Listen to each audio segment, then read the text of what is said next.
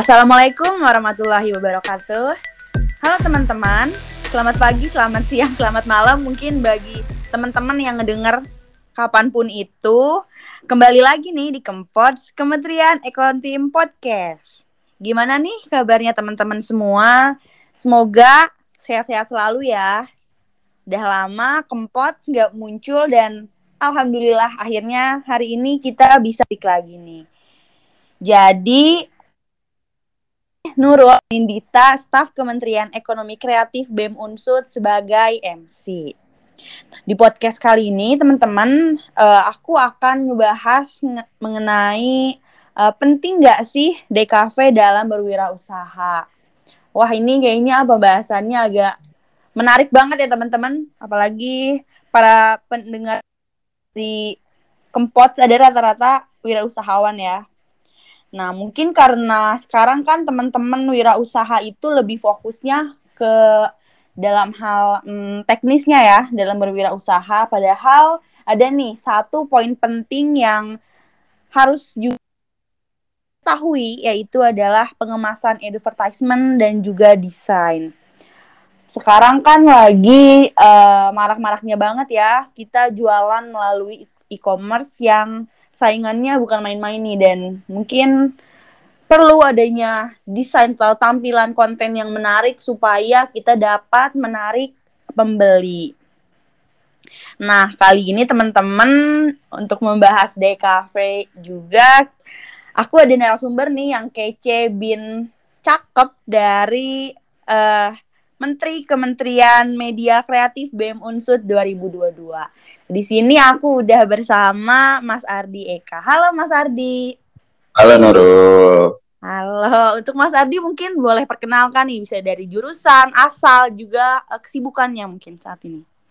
Oke, selamat datang para pendengar Sutify di rubrik Campods Kementerian Ekonomi Kreatif Podcast biasanya teman-teman yang dengerin Spotify mungkin pernah dengar suaraku juga sebelumnya di beberapa rubrik ada di Safari Kemenkoan dan rubrik-rubrik lain. Aku asalnya dari jurusan informatika dan sekarang lagi di semester akhir sambil kuliah, kuliah sambil main-main juga nih di BEM bareng Nurul, bareng teman-teman lain di kabinet titik pijar dan di titik pijar sendiri aku ada di Kementerian Media Kreatif dan Aplikatif. Begitu Nurul. Wah, berarti Mas Ardi itu anak teknik informatika gitu ya Mas ya? Iya, betul. Kalau aku mungkin mau nanya-nanya sedikit nih karena agak kepo ya. Ngapain aja sih gitu anak teknik informatika? Apa sih yang dipelajari di sana? Oke. Di informatika tuh luas banget ya ilmunya mulai dari dasar-dasar pemrograman sampai di semester awal tuh kita belajar soal algoritma. Nurul pakai TikTok? Aku enggak kebetulan IG aja aku. Tapi di IG-nya follow akun-akun yang Nurul suka kan? iya suka, betul. Nonton IG. Suka makanan, suka entertain. Iya. Terus biasanya muncul di Iya. Kita bisa menyajikan hal-hal yang disukain sama user dengan mempelajari perilaku user gitu. Oh, ternyata Nurul kalau di Instagram sukanya nge-like nge-like sepatu. Nah, nanti explore-nya akan muncul postingan tentang sepatu. Oke, menarik juga ya Mas ya teknik informatika. Aku kira tuh yang bener-bener komputer aja kerjaannya ternyata dari kita dari misalnya hal kecil sederhana seperti dari cara TikTok dan Instagram kita bisa memperhatikan kayak al apa tadi Mas? Maaf. Algoritma. Algoritma. Oke, sorry yeah. saya sangat awam. Oke. Mungkin aku mau langsung nanya aja nih Mas nih. Ya. Untuk Mas uh, Ardi sendiri udah berapa lama sih uh, mempelajari tentang desain komunikasi visual atau hal-hal yang berbau dengan desain gitu Mas? Oke, jadi karena aku juga kan di informatika ya, tadi Nurul uh, memulai pembicaraan dengan basis jurusanku informatika. Di informatika juga ada yang namanya UI UX. Nurul pernah dengar nggak? Belum tuh Mas, baru dengar. Oke, okay, UI itu namanya user interface, UX itu panjangannya user experience. Hmm. Nah, sekarang kan kita record pakai aplikasi ya. Iya. terus di aplikasi itu Nurul ngeliat banyak tombol nggak? Ada tombol play, ada tombol pause, ada tombol invite, ya kan? Iya, betul. Nah itu ya, itu yang nyusun-nyusun tuh anak informatika tuh yang belajar user interface. Oh gitu, keren. Nah, jadi itu juga dipelajarin di informatika soal desain tampilan, gimana caranya kita bisa membuat orang tuh mudah menggunakan aplikasinya. Nah itu masuk lagi ke user experience. Ketika kita buka Google, penempatan search bar Google tuh bagusnya di mana? nggak cuma bagus tapi efektifnya di mana di tengah di atas di bawah nah itu dipelajari itu dalam UI UX wah menarik juga ya mas ya ya jadi desain komuni eh, desain desain tampilan tuh masih masih aku pelajarin sampai sekarang di informatika hmm. tapi kalau da mulai dari mana belajar desain komunikasi visual itu dari SMP mungkin ya jadi mungkin waktu SMP aku belum tahu namanya desain komunikasi visual. Tapi aku dan teman-teman beberapa teman dekat itu punya grup. Hmm. Dan di grup itu kita biasanya ngedit-ngedit foto, bikin meme. Oh gitu. Ah, dan meme itu termasuk desain komunikasi visual loh, karena di situ di dalamnya ada gambar, ada teks, ada simbol, gimana kita bisa menyampaikan uh, suatu informasi yang bisa menyebabkan efek gitu. Misalnya efeknya adalah ketawa karena meme-nya lucu gitu kan. Hmm. Nah itu aku dari SMP dulu sering ngedit-ngedit sama teman-teman, ngedit buat lucu-lucuan. Dulu pakai aplikasi namanya Photogrid. Kalau sekarang banyak kali ya, ada PixArt, ada Canva. Kalau buat di HP, ada EB yeah. Spain. Kalau dulu aku pakai Photogrid tuh sederhana banget buat ngedit-ngedit misalnya ada temen yang di kelas lagi ngantuk di foto terus dikasih tulisan apa dikasih gambar-gambar apa nah itu uh, hal tersebut sering dilakukan sama aku dan teman-teman dekat tuh sampai SMA kelas 2 mungkin yang masih sering tuh bikin-bikin kayak gitu sampai di seriusin akhirnya beberapa kali ikut organisasi di SMA dan di SMA juga sering. Secara teknikal mungkin tidak tapi secara bagian brainstorm untuk bikin ide nah itu aku terlibat lumayan banyak. Misalnya kita mau ngadain pentas seni nih gimana caranya menghadirkan desain yang uh, memorable buat teman-teman dan juga selain memorable estetik juga gitu. Oh ini desainnya bagus dan gampang diingat. Nah itu mungkin awal mulanya senang senang apa? Senang brainstorm membuat desain. Itu dari SMP desain itu kan uh, artinya rancangan ya Nurul ya? Iya betul. Jadi merancang gimana sih caranya menyampaikan pesan lewat visual, nah itu aku sih merasa SMP waktu waktu SMP tuh gimana sih caranya ngerancang supaya gambar ini nih bisa bikin orang ketawa gitu. Padahal gambarnya biasa aja, tapi karena dikasih efek ini, dikasih uh, tulisan ini, oh jadi lucu ya gitu. Wah, gitu kayaknya menarik banget gak sih Mas kayak dari kita bercanda-canda niatnya buat grup lucu-lucuan ternyata eh kok nyaman, eh kok seneng dan ya, berlanjut betul. ke kuliah. Wah, mantep banget ya masih jalan. Karena menyenangkan sih soalnya mem mem membuat suatu rancangan tuh bagiku sesuatu yang menyenangkan gitu. Hmm. Karena wah, gimana nih caranya biar biar beda, biar bisa nyampein pesan dengan cara yang berbeda gitu. Nah itu hal yang menyenangkan buatku sih. Wah, alhamdulillahnya dan keterimanya di teknik informatika yang sejalan juga ya Mas ya sama apa dan yang iya ada UI UX itu. Oke. Okay. Nah, aku mungkin mau nanya ya uh, mengenai menurut Mas Ardi sendiri nih. Mungkin apa sih yang dibutuhkan untuk uh, ngebuat desain yang kita hasilkan atau mungkin konten yang dibuat itu menarik banyak orang karena kan kadang-kadang yang maksudnya yang buat desain tuh banyak ya mas tapi yang menarik dan kena di hati itu kan agak sulit ya mas ya mungkin gimana sih uh, apa yang dibutuhkan gitu mas ini kiat-kiat gimana caranya bisa bikin desain yang long lasting gitu ya? Iya bisa betul. memikat hati terus diingatnya juga lama. Iya. Benar. Pasti kalau untuk berangkat kita berangkat dari mana? Misalnya mau membuat desain pasti dari keresahan ya. Kita punya resah akan hal apa? Oh berarti ada yang salah nih. Ya, misalnya kita Nurul di kosan ya, di kosan Nurul ada pintu. Ada. Pintunya didorong apa digeser? Ditarik. Dari dalam. Ditarik. Ditarik ke dalam. Nah, misalnya pintu yang ditarik ke dalam ini bikin nabrak barang yang ada di bagian dalam kalau Nurul masuk dari luar ya kan ada Ya. tempat sampah nih di situ oh baiknya pintu ini lebih efisien digeser gitu. Nah itu kan desain ya. Berarti Nurul membuat desain nih pintu itu baiknya digeser pintu kamar daripada didorong. Awal mulanya adalah keresahan kan? Iya, iya. akhirnya ada jalan keluar lewat desain. Nah kalau desain yang bentuknya visual atau konten gitu ya untuk bikin dia long lasting harus relate relatable.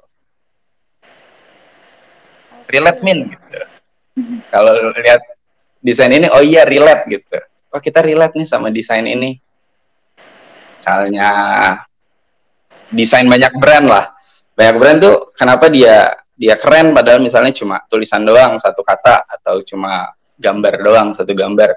Tapi itu terlihat keren terlihat eh, bisa diingat terus-terusan karena dia oh relatable di awal gitu. Oh iya aku butuh sepatu olahraga berarti aku ingat sama sepatu olahraga yang logonya checklist misalnya. Nah itu kenapa desain bisa bisa long lasting? Karena dia melalui proses yang panjang juga sih kenapa desain itu bisa bisa menciptakan yang kalau tadi kata Nurul hampir ini ya desain yang baik gitu hampir sempurna ya itu. Proses panjang referensi kalau teknikal ya secara teknis itu harus ada referensi harus ada quality control evaluasi yang terus-terusan tapi kalau kita berangkatnya dari keresahan biasanya desain itu bakal diterima oleh orang karena orang merasa relate relate tuh relate bahasa Indonesianya apa Nurul dari Waduh Kementerian mas, relate itu apa ya? Menjelasinnya gimana ya? Kayak, ya gimana ya relate? Ya mungkin teman-teman udah paham gak sih? Kayak udah menjadi bahasa serapan gitu ya mas? Iya. Agak sulit dijelaskannya. Nyambung gitu ya nyambung kali ya. Ah nyambung nih sama sama Eh, Connect. connect enggak juga ya? Ya relate lah ya. Iya relate. relate. Ya gitu. Mungkin Kurang sama lebih kayak, ya mungkin sama kayak Mas Ari dulu buat meme kan, kayak relate gitu ya sama ah iya betul betul.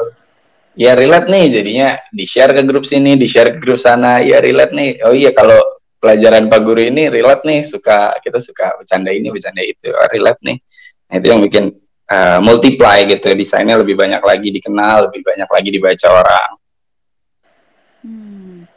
Kalau Mas Ardi sendiri eh, waktu awal banget gitu mula pakai aplikasi apa sih ngedit? Kayak mungkin teman-teman di sini ada yang masih baru mau belajar nih dan bingung apa sih karena kan banyak banget ya sekarang aplikasi dan banyak jadi banget bingung. Mm-mm, gitu. Oke, untuk teknis sebenarnya apa pun ya. Kalau aku pribadi menganggap desain yang baik adalah desain yang jadi. Oke. Nah, Prosesnya itu bebas. Kalau di BEM Unsud, kita kan punya kementerian media yang satu lagi ya, Nurul ada media komunikasi dan informasi. Nah, itu teman-teman teman-teman Medcom kalau bikin desain yang mungkin teman-teman para pendengar lihat di Instagram atau di Twitter, itu bikinnya pakai aplikasi Adobe Illustrator AI. Nah, Kalau aku pribadi untuk explore UI UX ini biasanya pakainya Figma. Pernah Hmm. dengar? Figma. F I G M A. Oh Figma. Oke, Iya, aku baru dengar sih mas. Terus kalau Hmm. yang ringan-ringan biasanya teman-teman yang buat paid promote, bikin poster-poster yang buat di-share ke grup-grup, itu pakai Canva kan? Canva udah familiar banget dong. Iya. Iya betul, Tanpa- udah ada template-nya juga di situ. ada template-nya dan template-nya juga bisa dieksplorasi. Terus kalau mau ngedit lagi dari HP, dari Canva udah kita bikin bas basisnya nih. Pengen dimodifikasi lagi bisa pakai PixArt. Pernah Iya. dengar PixArt? Ya. Iya, Terus ada juga Pixelab. Pernah dengar Pixelab? Ya. Nah, Ada juga panorama crop. Kalau teman-teman mau nyoba belajar desain, tulis aja di Play Store atau App Store desain gitu. Nanti banyak aplikasi yang direkomendasikan. Apa pun aplikasinya asal kalian nyaman dan bisa menghasilkan apa yang pengen kalian buat, ya itu berarti desain yang berhasil. Hmm. Yang penting desain yang baik adalah desain yang jadi ya Mas ya. Iya, karena kalau misalnya di awang-awang, wah aku pengen ada gambar kipas di sebelah sini, ada gambar uh, kucing di sebelah sini, ada gambar gelas, ada gambar apa, uh udah bagus banget nih di kepala kita. Tapi nggak jadi, nggak ada hasilnya.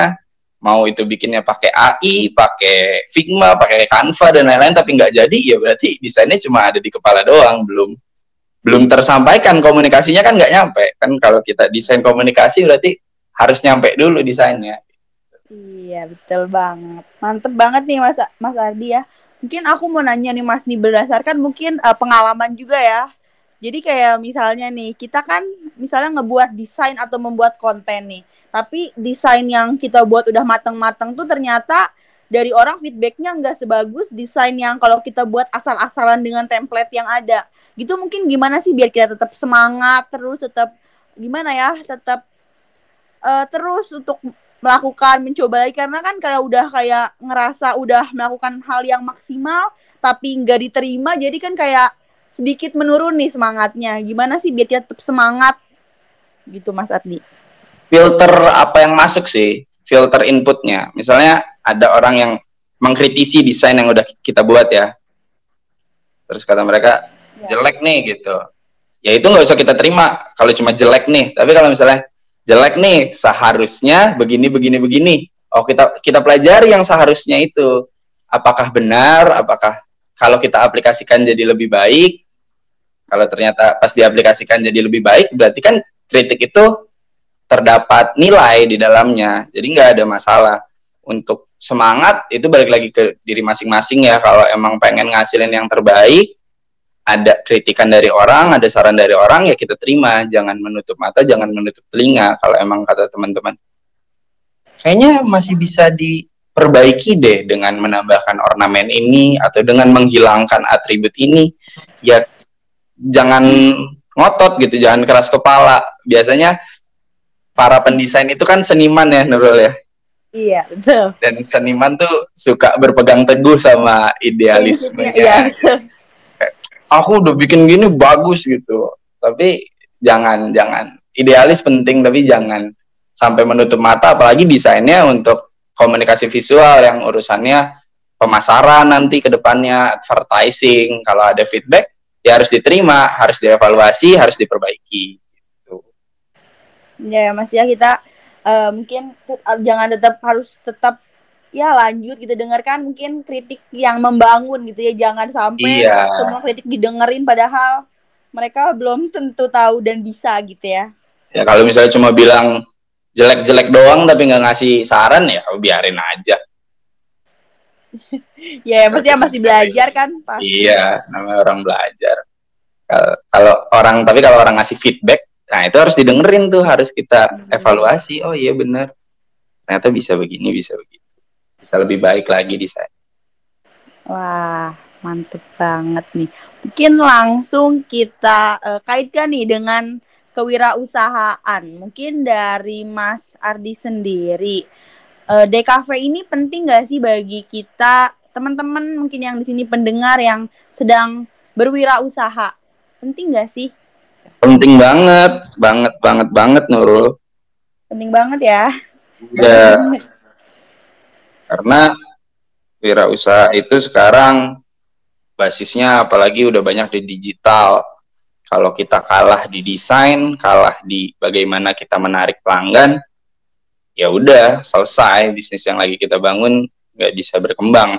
Terus mungkin Nurul juga sering dengar banyak tagline-tagline di banyak brand itu yang bikin mereka bisa bertahan lama gitu apa pun minumannya makanan eh apa pun makanannya minumannya apa tuh teh botol sosro nah itu itu desain tuh. Oh, sampai oh, gitu, melekat ya? banget semua orang. Apa pun makanannya minumannya teh botol sosro padahal minum mah bisa yang lain kan air putih. Air putih kan ya, ya. tapi itu desain tuh gimana caranya? Oh iya. Itu udah udah masuk ke dalam uh, unconsciousness gitu. Alam bawah sadar kita iya uh, ada iklan ini gitu ada Indomie selera aku gitu oh iya padahal bisa aja makan mie yang lain itu itu desain penting banget di wirausaha karena kan di dalam konsep pemasaran tuh ada tiga aktivis eh ada aktivitas ya ada tiga macam aktivitas di dalam konsep pemasaran tuh ada selling ada marketing ada branding pernah dengar nggak Nurul? Iya. Yeah. Ya kan. Pertama emang paling penting adalah selling paling penting penjualan masa yeah. bodoh lah uh, packagingnya kayak gimana dibungkus kresek hitam kalau orang suka sama produknya juga pasti beli ya kan yang penting kan selling yang penting penjualan. Iya. Yeah. Tapi next step dari selling apa? marketing. Selling itu kan untuk terjual. Kalau marketing untuk dikenal pemasaran kan. Mm-hmm. Nah, marketing masuklah desain komunikasi visual ketika kita punya logo, ketika kita punya tagline, orang akan ingat dengan produk kita, dengan brand kita. Misalnya jual apa nih? Jual beras. Ah, beras rojo lele, berasnya orang pinter gitu. Oh, berarti orang pinter makannya beras ini nih gitu. Itu marketing. Oh, udah dikenal. Setelah marketing, next step-nya apa? Nah, ini yang biasanya desain komunikasi visual tuh masuk paling banyak porsinya, yaitu branding. Branding. Selling untuk untuk terjual, marketing untuk dikenal, branding untuk diingat. Hmm. Nah, cara orang paling gampang ingat ya visual apa yang bisa ditangkap dengan indera penglihatan gitu. Oh, kita ngelihat logo checklist berarti Nike gitu kan. Kita ngelihat hmm. logo apa? Oh, berarti ini brand ini gitu. Itulah branding yang yang bikin orang inget. Oh iya kalau misalnya mau beli sesuatu nih kita lagi ngerintis usaha misalnya kopi. Oh, kalau mau beli kopi belinya di di si aja. Dia dia logo kopinya lucu. Misalnya logonya angka 8 apa apa gelas. Nah itu branding. Ketika orang udah udah kenal dengan produk kita kita harus bikin para konsumen ini inget sama produk kita. Nah di situ visual masuk. Semakin banyak visual yang baik semakin banyak visual yang uh, mudah diingat semakin mudah diingat. Karena kan puncak puncak dari jualan itu kan repeat order dan recommendation ya. Benar nggak Iya yeah, betul. Ketika kita udah punya produk terus orang mau beli lagi dan merekomendasikan ke orang lain ya berarti produk kita udah bagus. Ya udah berhasil ya berarti ya. kita sebagai oke menarik banget ya eh, teman-teman pendengar bahwa memang benar sih kita kan tujuan jualan adalah untuk menjual barang kita tapi hal itu nggak cukup nih karena kita pun uh, harus uh, bisa marketingnya nih biar kita bisa dikenal dan juga di sini nih mungkin uh, pentingnya adanya DKV ini biar kita bisa membranding dari produk kita supaya bisa diingat. Jadi orang-orang kalau mau beli oh iya inget ini nih. Nah, itu hal yang mungkin adalah uh, keterkaitan antara DKV dan kewirausahaan. Oke. Mungkin nih uh, dari pendengar kita di rumah ada yang punya wirausaha. Nah, menurut Mas uh, menurut Mas sendiri, Mas Ardi, uh, gimana sih cara kita buat uh, menggait konsumen dengan desain yang kita buat melalui sosmed kita? Pertama desain tuh harus jujur ya, Rul.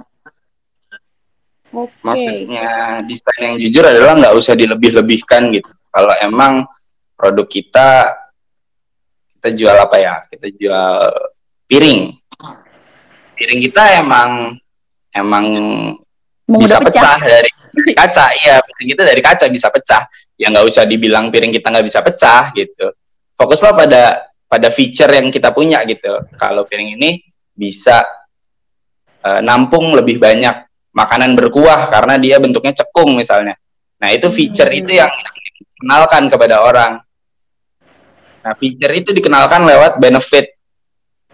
Ini, kalau ngomongin advertising uh, bisa lebih banyak lagi ya bahasannya karena tadi orang kan kadang kita tidak peduli dengan fitur yang ada dalam suatu produk tapi kita pedulinya benefit apa yang bisa dikasih dari fitur tersebut. Iya betul. Jangan bilang HP ini HP yang sekarang kita pakai nggak usah bilang HP HP ini memiliki jaringan 5G gitu. Ah kita juga nggak ngerti itu gimana. Tapi bilanglah dengan menggunakan jaringan yang ada, kita bisa lebih mudah untuk ngobrol dengan orang yang beda benua. Nah itu yang kita perlukan kan, benefit itu yang kita tawarkan. Oh HP ini canggih, kita bisa ngobrol sama orang di Australia, Brazil, nggak putus-putus gitu di situ ada 5G, di situ ada 4G, ya para konsumen nggak begitu tertarik dengan hal itu. Mereka tertarik dengan benefit apa yang bisa ditawarkan kepada kami yang mau beli. Hmm.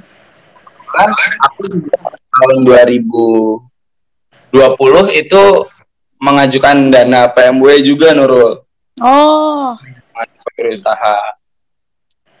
Itu Produknya untuk apa tuh Mas? Itu untuk bikin toko buku online. Oh, menarik. Sekarang juga masih masih mau merintis ulang ya karena kan sempat kepentok pandemi ya 2021, 2020 awal 2021 sampai sekarang 2022 baru mulai lagi.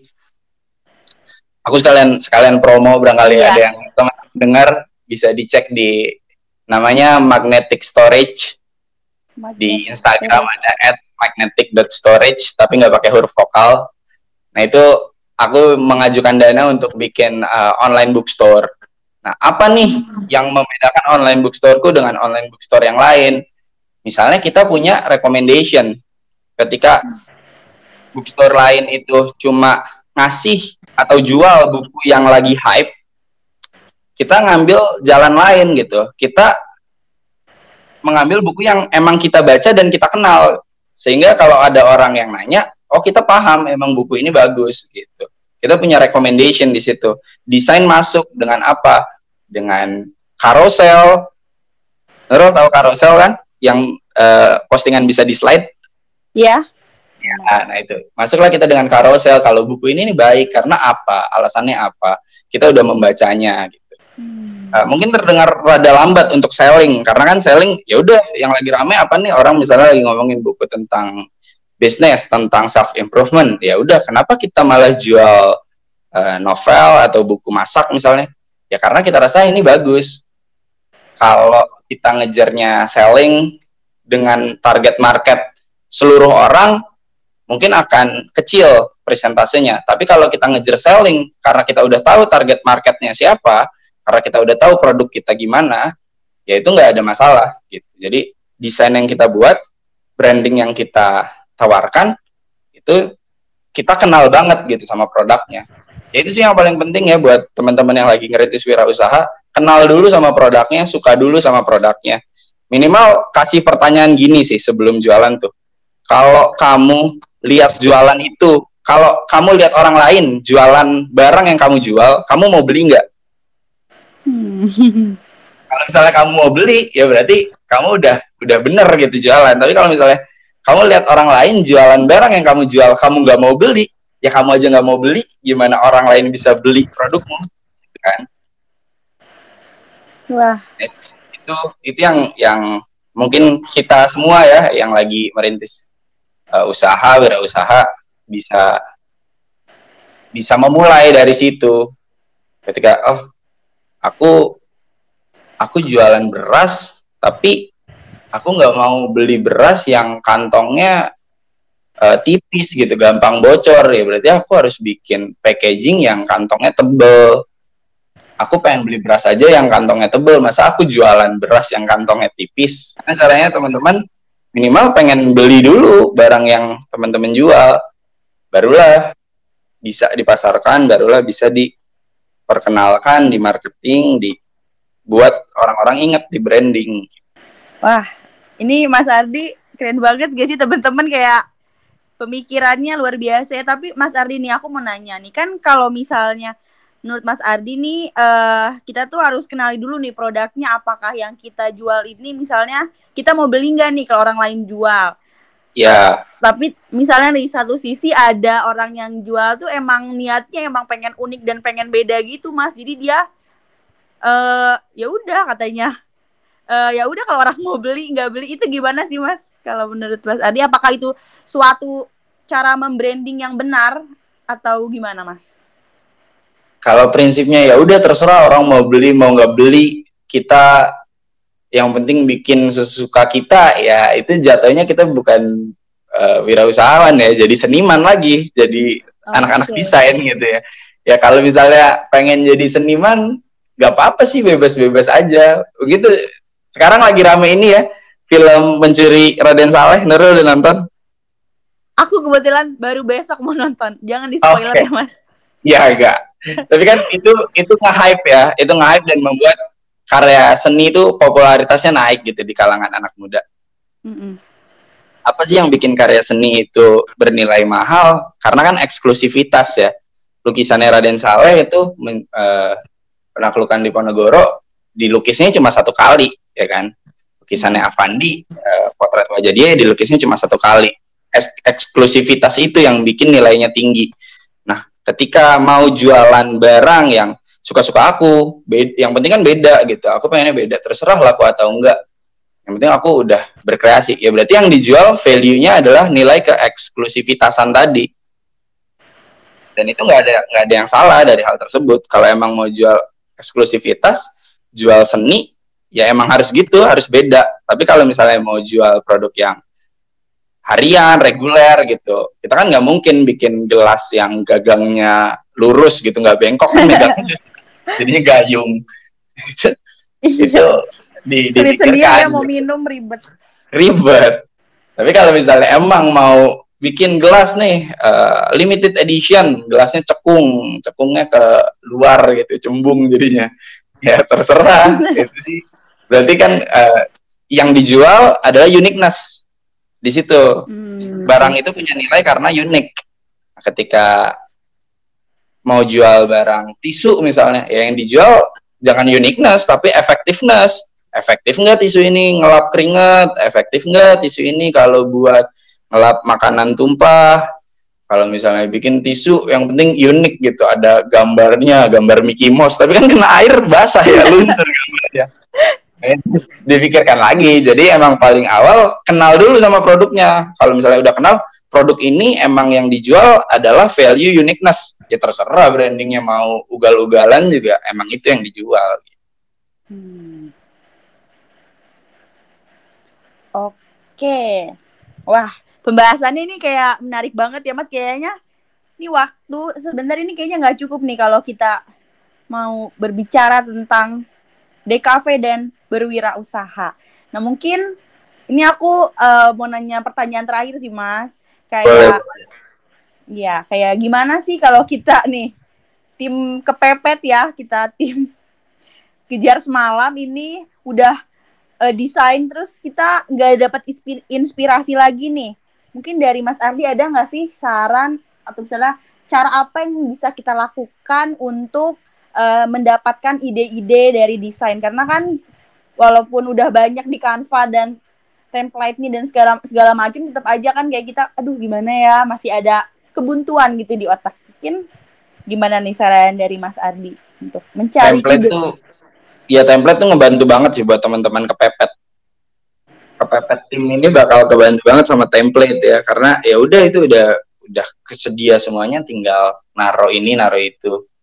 Cuma biar tadi ya dari ratusan template dari ribuan template yang ada kalau kita kepepet gimana sih cara milih misalnya template yang terbaik yang paling efektif dan efisien? Kalau dari aku pribadi saranku referensi sih Nurul. Oke.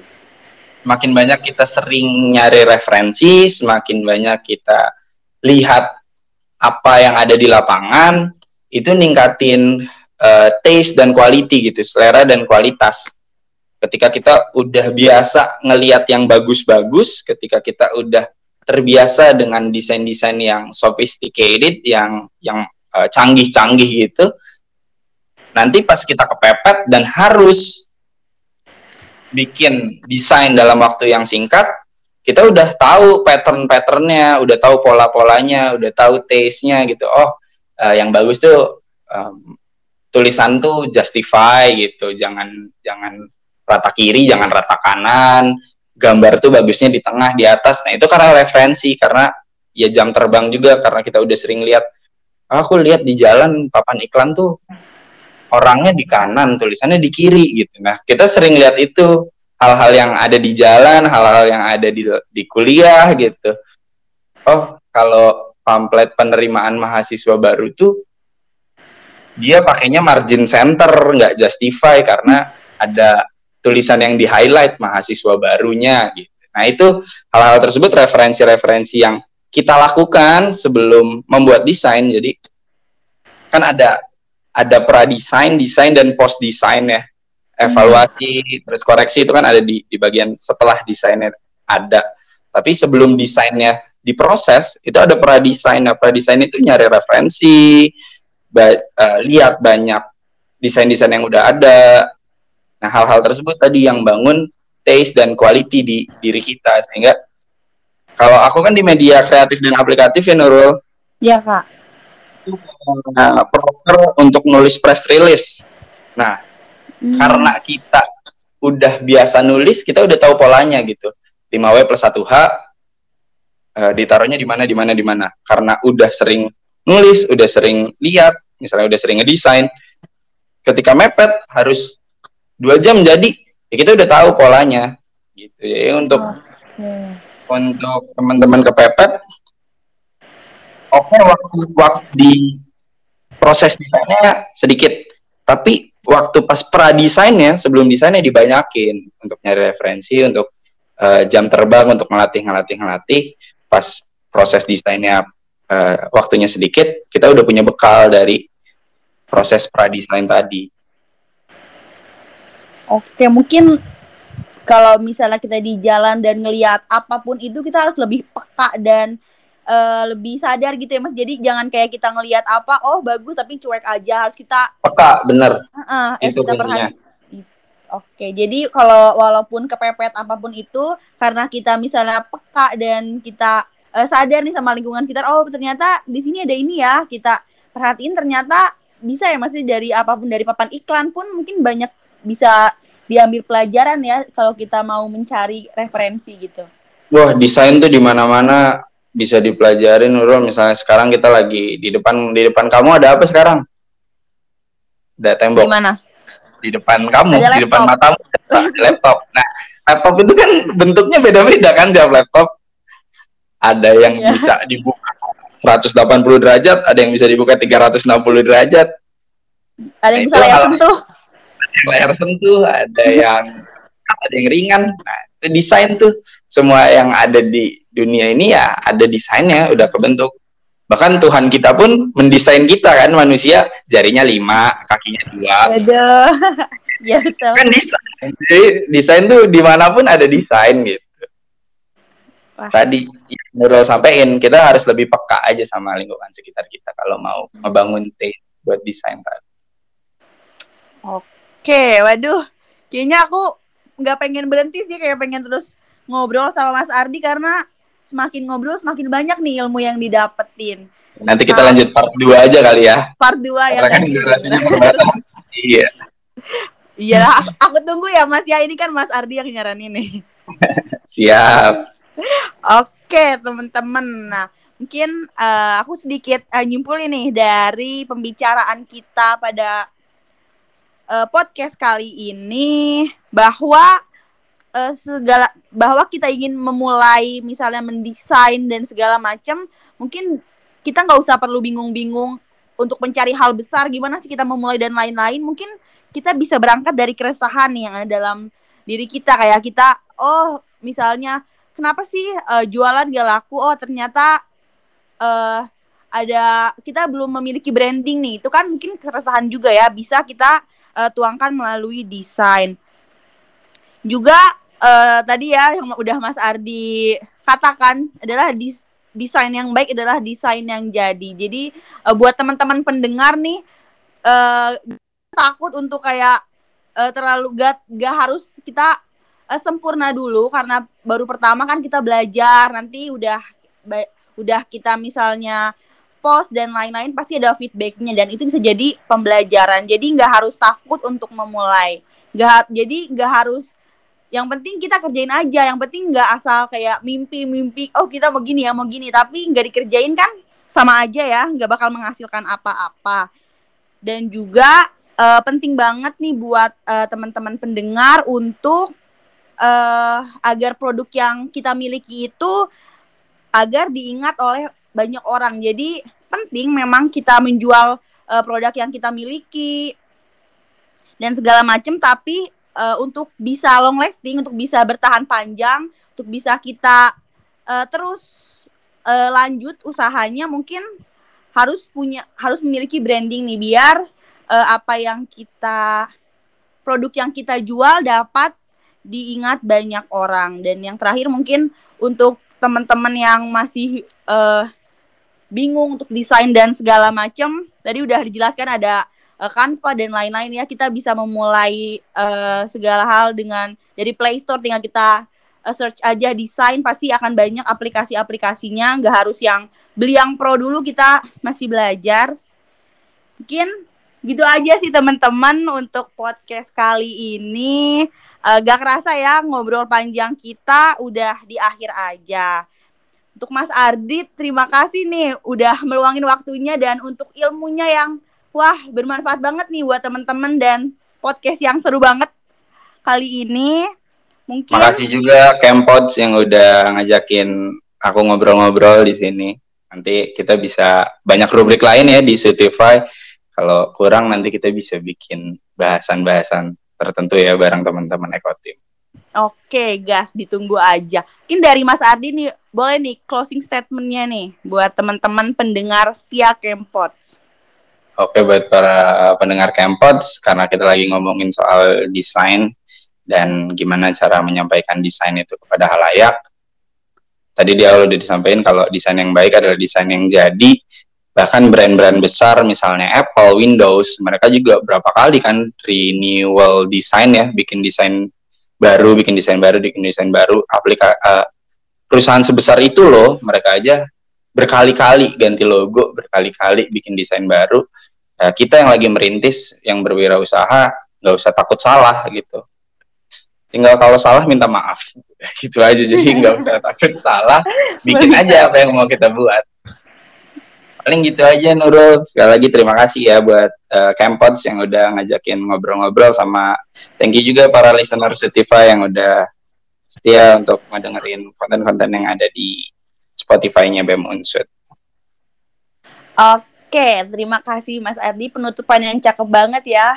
Oke, buat teman-teman pendengar, makasih udah mau dengerin Campus pada kesempatan kali ini. Semoga kita dapat bertemu di uh, podcast-podcast selanjutnya. Mungkin saya Nurul dari Eko Team undur diri. Wassalamualaikum warahmatullahi wabarakatuh. Waalaikumsalam. Thank you Nurul. Makasih Mas.